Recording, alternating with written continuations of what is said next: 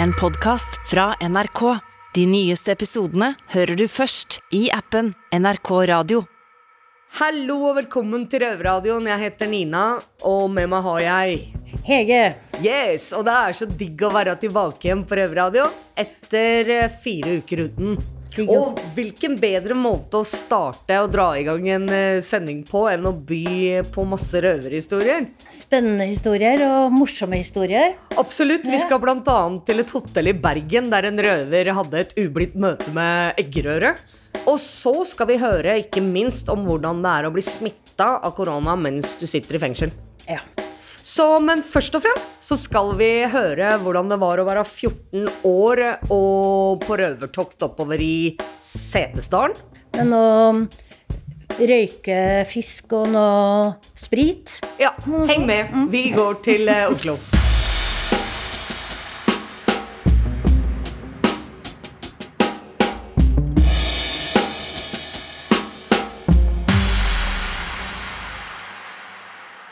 Jeg heter Kristian, sitter her med Mali og Glenn. Yes. Eh, vi røvere vi har et eh, ganske Vi kan vel si spennende liv. Eh, og vi har mange gode historier om eh, dumme ting vi har gjort. Eh, Alt mulig rart. alt mulig rart. Eh, så eh, nå skal vi høre en historie fra deg, Glenn, Yes. som vi ikke har hørt før. Så nå, nå er vi spente. Ja. Ja. Nei, det var rundt Jeg tror jeg var 14 år gammel. Det, det samme var kompisene mine. De var jevnaldrende med oss. Vi hadde kommet litt inn i det med å stjele biler og rane, rane diverse ting og sånn. Så hadde vi en plan da Dette var andre gangen vi skulle gjøre det. da Vi, vi stjal en bil med tre andre kompiser i Kristiansand. Skulle kjøre oppover Setersdalen for å ta alle hotellene og ja, butikker og sånn som lå oppover der, da. Knekke det, eller? Ja, knekke de, gå inn på natta. I Setesdalen ting er jo åpent om natta. Det er jo ikke noe, De gidder ikke å låse engang. Mm. Så vi kjørte opp dit, da. Vi kom opp til Hovden. Vi hadde tatt en del ting på, på veien opp. Men når vi skulle på vei ned, så plutselig bilen streika. Bilen var ferdig. Full av stæsj. Full masse greier i den bilen der. Og så stoppa vi et sted rundt i nærheten av et sted som heter Valle eller noe sånt. Så sier jeg til kompisene mine hei, vi må bare finne en ny bil. Hive tingene over i den nye bilen, og så kjører vi ned. Det er ikke noe problem. Vi gikk to og to sammen.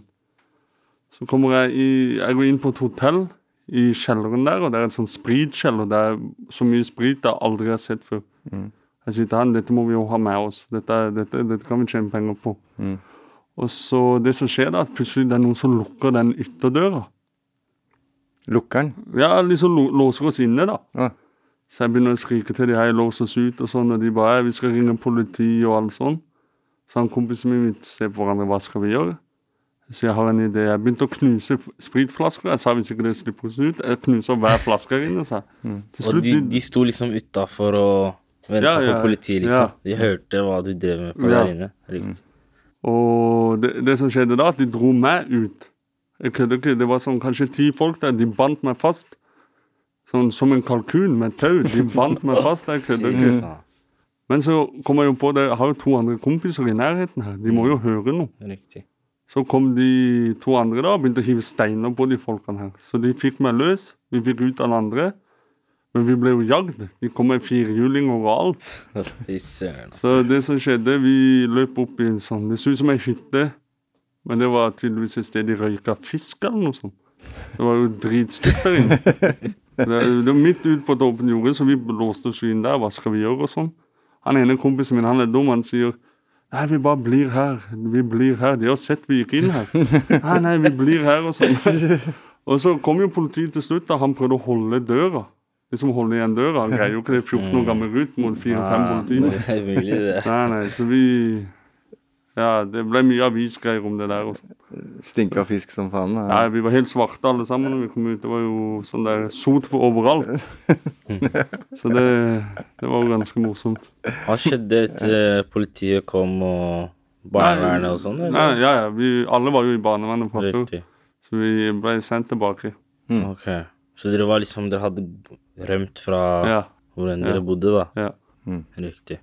Det er nesten så du skulle egentlig bare sette i gang og drikke da, mens dere venta. Ja, men det, da, da hadde vi ikke kommet oss ut, vet du. Nei. Så måtte vi bare finne oss vi kom oss ut herfra. Ja, Ja, det var crazy greier. ja.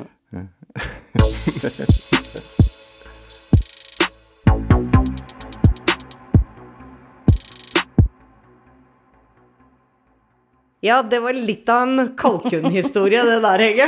Ja, ikke sant? Jeg skjønner at det var både skremmende og spennende så, da. For en gjeng med gutter hos meg var jo 14 år. Hive Ja. seg i bilen og kjøre, liksom. Det, Heftig, heftig, heftig opplevelse, ja, det, ja. ja, ikke sant. Ja, og, men her på Bredtvet så har vi sittet mye innlåst nå. Det har vi. Ja, og mm, du har i hvert fall sittet mye innlåst, for det har ikke vært noen skole eller noen sånne ting, men du har fått med deg en mikrofon, opptaker på rommet. Det fikk jeg på cella, ja, absolutt. Og da har vi fått hørt litt om dine tanker og bekymringer for eh, ja, nå og framtida di og sånne ting. Hei sann, det er Nina fra Bredtvet her, og i dag så eh, får dere lov til å være med inn på cella mi, derfor at um, nå er det fjerde uka uten røverradio i kjelleren, og pandemien har gjort at man må være mye mer på avdelingen og på rommet. Hvordan har en innsatt i et norsk fengsel det under pandemien? Ja, det er et bra spørsmål. Sjøl må jeg si at um, det begynner å tære på nå. Ehm, det har vært så mye nedstengninger, naturligvis. Det veit alle, ikke bare inne i fengsel, men dere utafor også. Restriksjoner og begrensninger på hverdagslivet deres. Men alle de ekstra restriksjonene som blir pålagt oss her inne, dem svir skikkelig. Fordi, som navnet sier, frihetsberøva, så er det allerede så fryktelig lite som, som er tilgjengelig for meg. At når eh, det lille som er tilgjengelig, blir borte i tillegg, så Ja, så gjør det vondt. Og i lengden så merker jeg at det begynner å bryte meg ned på en måte jeg ikke helt var forberedt på. Eh, Jeg prøver alltid å være positiv, og jeg eh, prøver å se framover og sikte langt fram og glede meg over at jeg snart er ved veis ende etter denne veldig lange tida som fange. Men eh, for å lykkes da, der ute i samfunnet etter endt soning, med den forhistorien jeg har, eh, så er det visse ting som bør falle på plass. Altså, jeg har jo vært rusmisbruker hele livet. Fra jeg var bare en nevestor, føles det som, og opp fram til jeg blei arrestert eh, i 2012. Og nå har jeg vært helt nykter eh, siden 2014. Eh, men eh, det ville være veldig overmodig av meg og ganske dumt å tro det at eh, den løsninga som har vært der for meg, som jeg alltid har tydd til når livet går meg imot, eh, ikke kommer til å bli en utfordring, kanskje, den dagen jeg kan velge fritt av verden igjen. Fordi nå er jeg jo i en beskytta situasjon. Eh, På permisjonene mine forventes det av meg at jeg holder meg nykter og at jeg oppfører meg ordentlig før jeg kommer tilbake. Og, og, og det har ikke vært Jeg har ikke hatt noe rustrang, men det ville vært dumt, som sagt, av meg å, å ikke ta høyde for at det kan bli problematisk. Derfor, av den enkle grunn, så ønsker jeg å tilrettelegge eh, prøveløslatelsen min på best mulig måte. At jeg har solide sjøbein å stå på, sånn at når livet blåser på, og det kommer det til å gjøre, for det gjør det alltid for alle mennesker, eh, så har jeg den ballasten og tyngden jeg trenger. Jeg har de kunnskapene jeg trenger. F.eks. IT-kunnskaper og altså til å orientere meg i samfunnet på en eh, bra måte. Og at jeg har fått tid til å bygge opp det nettverket jeg trenger, sånn at eh, når det røyner på, at jeg kan ringe en, en venn som forstår situasjonen og, og kan støtte meg. Men alt dette her avhenger jo av et åpent samfunn. Et samfunn hvor jeg kan gå ut i verden og møte folk.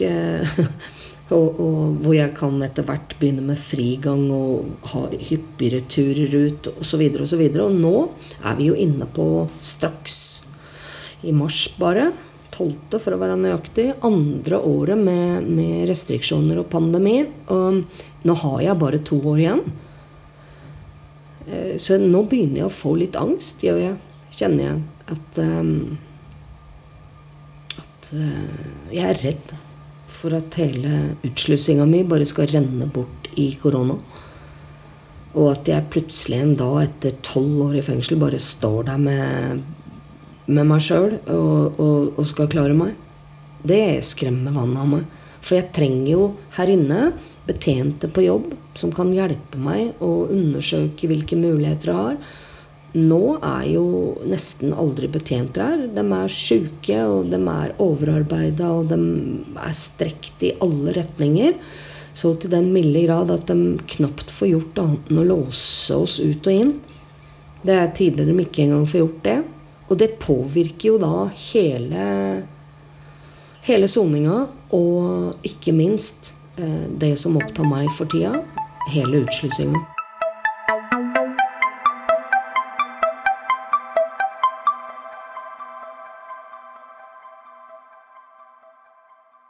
Der um, hørte vi at du hadde masse bekymringer og masse tanker. Du var liksom ikke happy, Nina, som vi ser utafor rommet, da. Uh, og så snakka du om, um, om frigang. Hva er det? Jo, altså frigang er jo da på slutten av soninga, hvor man eh, fremdeles bor i en, et fengsel, men ikke da høysikkerhet, men et åpent fengsel. Og så går man på arbeid om dagen og kommer tilbake til fengselet og sover og spiser. Ja. Så um, det er jo hele den perioden veldig viktig for å begynne å skaffe seg utblikk, ikke sant, utover, og bli mer normalisert i forhold til en fri tilværelse, rett og slett. Ja, ikke sant. Og ting forandrer seg nå litt når det er korona, kontra det ikke Veldig. Og så, selv om jeg ikke liker å tenke på meg sjøl som soningsskada, så er det klart at man blir jo det etter mange lange år, og derfor er den frigangsperioden så veldig viktig også. Og derfor så har det jo blitt en, en eh, kilde til bekymring for meg, når jeg ja. merker at det blir vanskeligere å se framover. Mm. Mm. Skjønner og hørte veldig godt på deg, hvor ja. bekymra du er. Mm. mm men eh, jeg blei i hvert fall ikke smitta, sånn som eh, han vi skal høre på nå. Vi skal nemlig til Eidsberg og høre historien til en innsatt der som blei smitta av korona under soningstida si. Eh, vi er jo i en pandemi, og folk har jo fått følt litt på hvordan det er å være i isolasjon med karantene og sånne ting og sånn.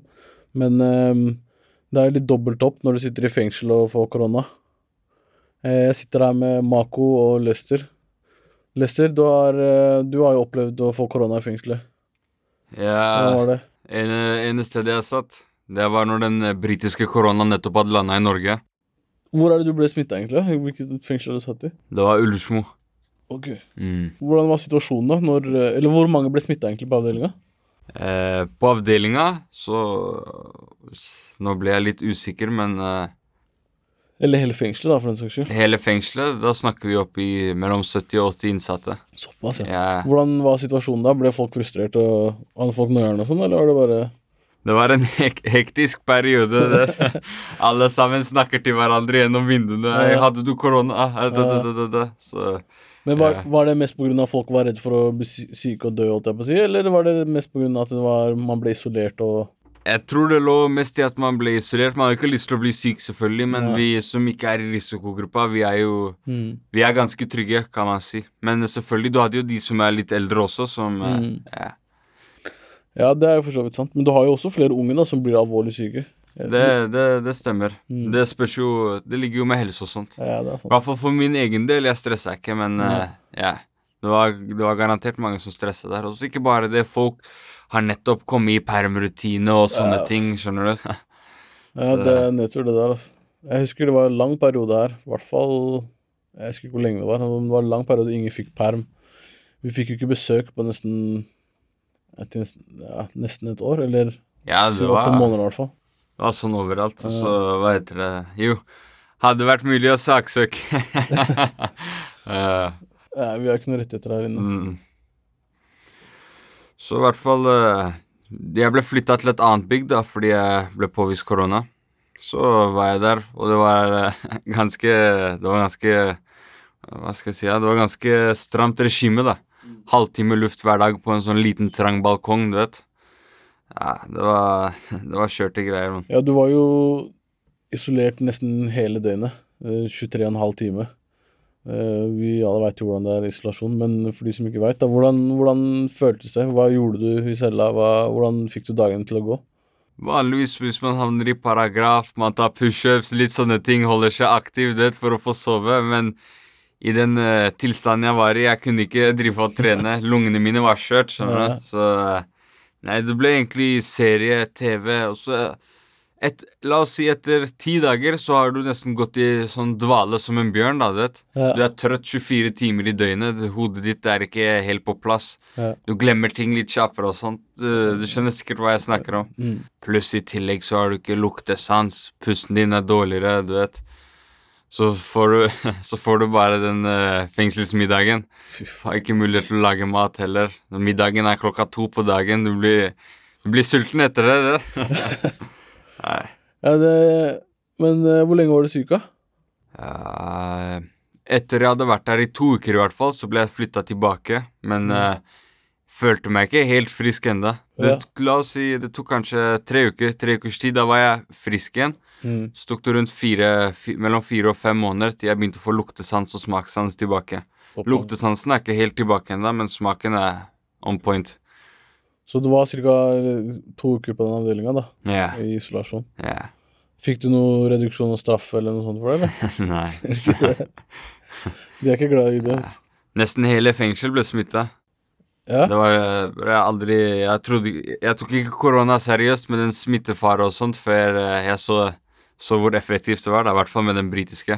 ja, Man tenker jo også når man sitter inne, da, at det er jo risiko, risikoen for å bli smitta er jo liten. Ja. I forhold til at det, er ikke noen vei inn for viruset, da. Det er. Men det. Bortsett fra de eh, betentene som går ut og Ja. chiller'n hver dag. De, jeg syns det er dårlig de at de ikke tok hensyn, egentlig. Altså. Mm, I hvert fall i en sånn tid. de burde egentlig bli testa hver gang de kom på jobb. Ja. En hurtigtest. Ja, det er det minste du kunne gjøre. Ta halvtime å få svar på også. Men uh, ja, gjort er gjort, spist er spist. Ja. Men hadde du Eller var du, var du i det hele tatt bekymra for at det skulle bli verre, eller? At skulle, tilstanden din skulle bli ille, ille, liksom? At du kunne Det var en natt der hvor det, det føltes som noen hadde putta eh, vekter oppå brystet mitt. Jeg skal jeg begynte å få litt hetta da. Jeg ringte på callinga en i gangen. Sa til jeg tror det kan være enig, jeg trenger en liten ambulansetur, Ja. men eh, Nei, heldigvis det gikk ikke dit. Og jeg skal ikke lyve, etter jeg ringte på, så kom de aldri og sjekka, sjekka på meg heller, så Det tar ofte lang tid, det der, altså. Ja, for Ja. Men det gikk bra til slutt, da. Heldigvis, heldigvis. Men uh, har, har du liksom kommet 100% tilbake, eller? Lungekapasiteten din og ja. Føler du deg like bra som før? Kan, kanskje, uh, kanskje ikke helt, ikke helt, men uh, det, er- det, er, det er ikke mye det, er, det er et kanskje godt spørsmål. Kanskje vanskelig å sammenligne? Ja, det er vanskelig å sammenligne, men eh, det er egentlig, jeg ville sagt, det eneste som uh, fortsatt uh, uh, vet, for, for, eneste som fortsatt plager meg, det er det med luktesansen, fordi den er ikke helt bra ennå. Okay. Men jeg leste at det kan ta opptil et år før den kommer fullt, fullt tilbake. da. Så for eksempel når, eh, når vi går i gangen noen ganger, folk kan si 'å, 'fy faen, det stinker', jeg merker ingenting, skjønner du. Litt flaks der, da, men, Ja. eh, hvis du kan kalle det det.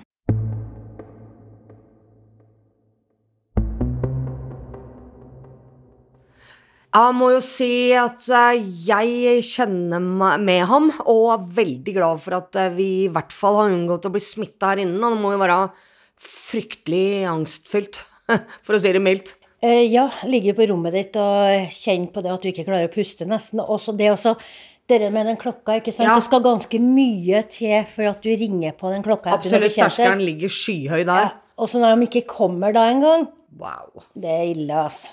Absolutt. Men eh, nå skal vi over til en røver eh, fra Bergen fengsel som har hatt problemer med eggerøre og med hotellpersonale og med politi i et hotell i særklasse. Torgeir og Miguel. Dette her eh, er, er den eldste saken som jeg sitter og soner for nå. Og det er altså eh, mai 2015. Eh, jeg var inne i en eh, høyaktivitetsperiode, hva mitt kriminelle liv angår. Eh, det var 24-7, og jeg var eh, påtent hele veien. Altså, det er en beinhard jobb Ja. å, å selge knark. Eh, og det krever mye av deg. Altså, Du er alltid på jobb. du er alltid på jobb. Alltid. Eh, og det, du får deg en, en liten blund her og da. Men eh, det er 24-7. Det er ikke alltid du får det heller, vel? Nei, det er ikke alltid du får det heller. Det er, men det, altså, Folk sier at det er lette penger, men det, det er lette penger my ass. Det er ikke enkelt i det hele tatt. Uh, uansett, jeg eh, hadde meg et uh, fire ukers langt Jeg bodde på Da i hele april eh, 2015 bodde jeg på Scandic borte i Håkonsgaten. Du var jo og besøkte meg der. Jeg var og besøkte deg. Du var og besøkte meg. Og der, som sagt, jeg fikk en god deal. og jeg hadde altså jeg hadde hele garderoben min der. Jeg hadde sykkelen min der. og Jeg hadde fire radiobiler og, eh, og masse droger. eh, og Hva annet kan man ønske seg? hva kan man ønske seg? Eh, Det var ganske så eh, rock'n'roll-liv den tiden, husker jeg. Det jeg husker. Og siste natten før utsjekk så hadde jeg fått meg en ny telefon. En Samsung, en Note 4. Eh, som hadde et sinnssykt bra kamera. Eh, og så eh, eh, hadde det en sånn her Du kjente det der makro eh, eh, Du kan ta en skikkelig sånn nærbilder Ja, med sånn krystallklar eh, nøyaktighet. Eh, og så var ikke jeg helt ved mine fulle fem, kan du si. Med mine fulle tre. Eh, og jeg brukte jo mye av det jeg solgte. Det er jo sånn det dessverre blir. Men veldig gøy når det står på. Eh, så jeg bestemte meg for eh, Jeg har gått våken litt for lenge, vil jeg tro. Jeg bestemte meg for å ha en vareopptelling eh, på da, skrivebordet inne på hotellrommet. Og eh, sortimentet mitt det besto bestod da av 15 000 Rivotril. Så 150 glass som jeg tok ut av glassene og la i en stor haug. Alle sammen? alle sammen i en kjempehaug. Se det for deg. 15 000 tabletter som jeg tok sånn sirlige nærbilder av sant? og var kjempefornøyd. Og jeg hadde 200 gram med cola som jeg tok ut av eh, pakken og, og la fram på bordet. Og tok eh, bilder som var så gode at du kunne kjenne lukten. Jeg hadde to hekto med, med pott. Eh, en blåvalium. En? en blåvalium. Det veltet saken. Eh, som jeg også fikk et nydelig bilde av. Og eh, jeg hadde tre liter med GBL, som jeg også brukte. Det blir jo veldig altså, Kork, som vi sier. Ja. Euforisk. Euforisk og, og klovneaktig. Eh, det var eh, 150 000 kontanter som lå der. Det var eh, digitalvekt og klipsposer og you name it. I alle fall. Eh, på morgenkvisten så finner jeg ut at eh, sant, det var snart utsjekk. Jeg tenker at eh, jeg skal bare stå i det og eh, holde meg våken til jeg skal sjekke ut. Jeg går ned og tar meg en frokost. Og underveis i denne frokosten så kommer det da en Securitas-vakt bort til meg. Og uh, tar tak i meg og sier eh, du, kanskje du skal ta og gå opp igjen på, på rommet ditt. Og jeg ble litt sånn uh, Hæ? Tok han tak i deg? Ja, på skulderen, liksom. Ikke sånn voldsomt, men sånn vennlig. Bestemt. Eh, jeg ble sånn indignert og liksom Hva for noe? Hvordan er det de eh, snakker til, til meg? eh, Jeg er en gjest på hotellet. jeg er en gjest på hotellet, må de vite. Og så sier han eh, se deg sjøl i speilet. Og så er det speil rett ved siden av meg der jeg sitter. Og det er, det er full uh, buffé. Altså det er full restaurant med, med voksne og barn. Eh, og jeg ser meg ikke, og sitter, jeg har altså da eggerøre i hele trynet. For jeg, jeg har sovnet i maten min. Jeg har eggerøre og røykelaks i skjegget. Og da har du da eh, eh, en svært ydmyk utgave av Torgeir. Som bukkene og neiene rygger ut av, av, restaurant, av restauranten og går opp igjen på rommet. Eh, ok, so far so good, sant? Eh, og jeg eh, Vasket du vekk egget? Ja, hva tror du? eh, og så setter jeg meg ned på, på sengekanten eh, og full påkledd og med skoene på. Og så, vet du hva, eh, så sovner jeg. Eh, med klærne på, med beina på gulvet og meg sjøl på madrassen. Og alt ligger fremdeles på, på skrivebordet. sant? Og syv timer seinere våkner jeg av en skinnhanske i ansiktet. Jeg åpner øynene. Jeg ser rett opp på en politidame som har nettopp slått meg i, i, over, over trynet med en hanske for å vekke meg. Jeg reiser meg halvveis opp i sengen, ser rundt meg, og der er det fullt i snut. Oh. Det, eh, det er rensket. Alle tingene mine er ryddet. Det er ingenting på skrivebordet. Og jeg husker jeg bare sa Å nei! og så ler de, da. Sant? Det her må jo være, det må jo være supermorsomt for en politimann og fem å komme inn og, og altså, crack open this case. Det, det, vær, så, vær så god. Ja. Ja. Tatt med buksen nede. Ja, for da har da rydde hun chileneren som vasket rommet, hun eh, Så du glemte å henge på denne på håndtaket utenfor? Ja, men det var utkjekk. sant? Jeg Ja, ut fra selvfølgelig, rommet. Så, selvfølgelig. så der hadde de kommet inn, og der lå jeg og sov. Og eh, det var kroken på døren for den gangen. Ja. Ja. Apropos eh, dum kriminell. Men uansett, morsomt å se tilbake på nå. Veldig vittig. Ja. Ja. Veldig vittig. Og nå gjør det opp for deg. Jepp. I yep. do.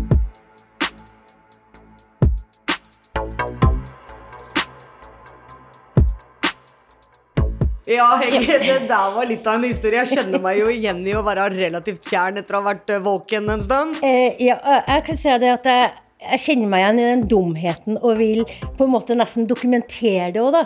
Ikke sant? Jeg har, Altså, jeg kan forstå det at du har masse foran deg og vil liksom huske på det Ok. akkurat det, da. Ja, ja.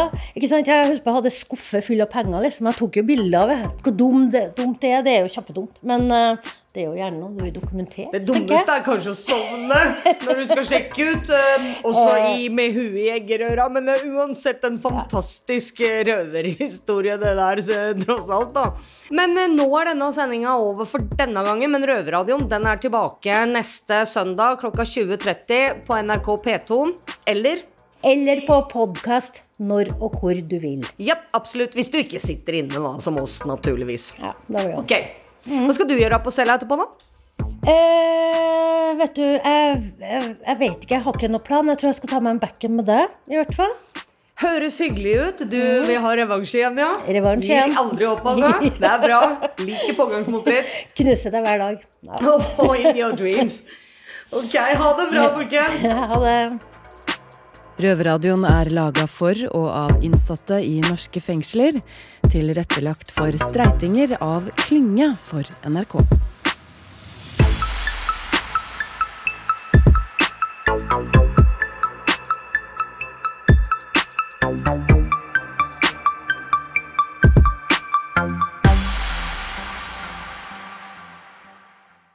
Du har hørt en podkast fra NRK. De nyeste episodene hører du først i appen NRK Radio.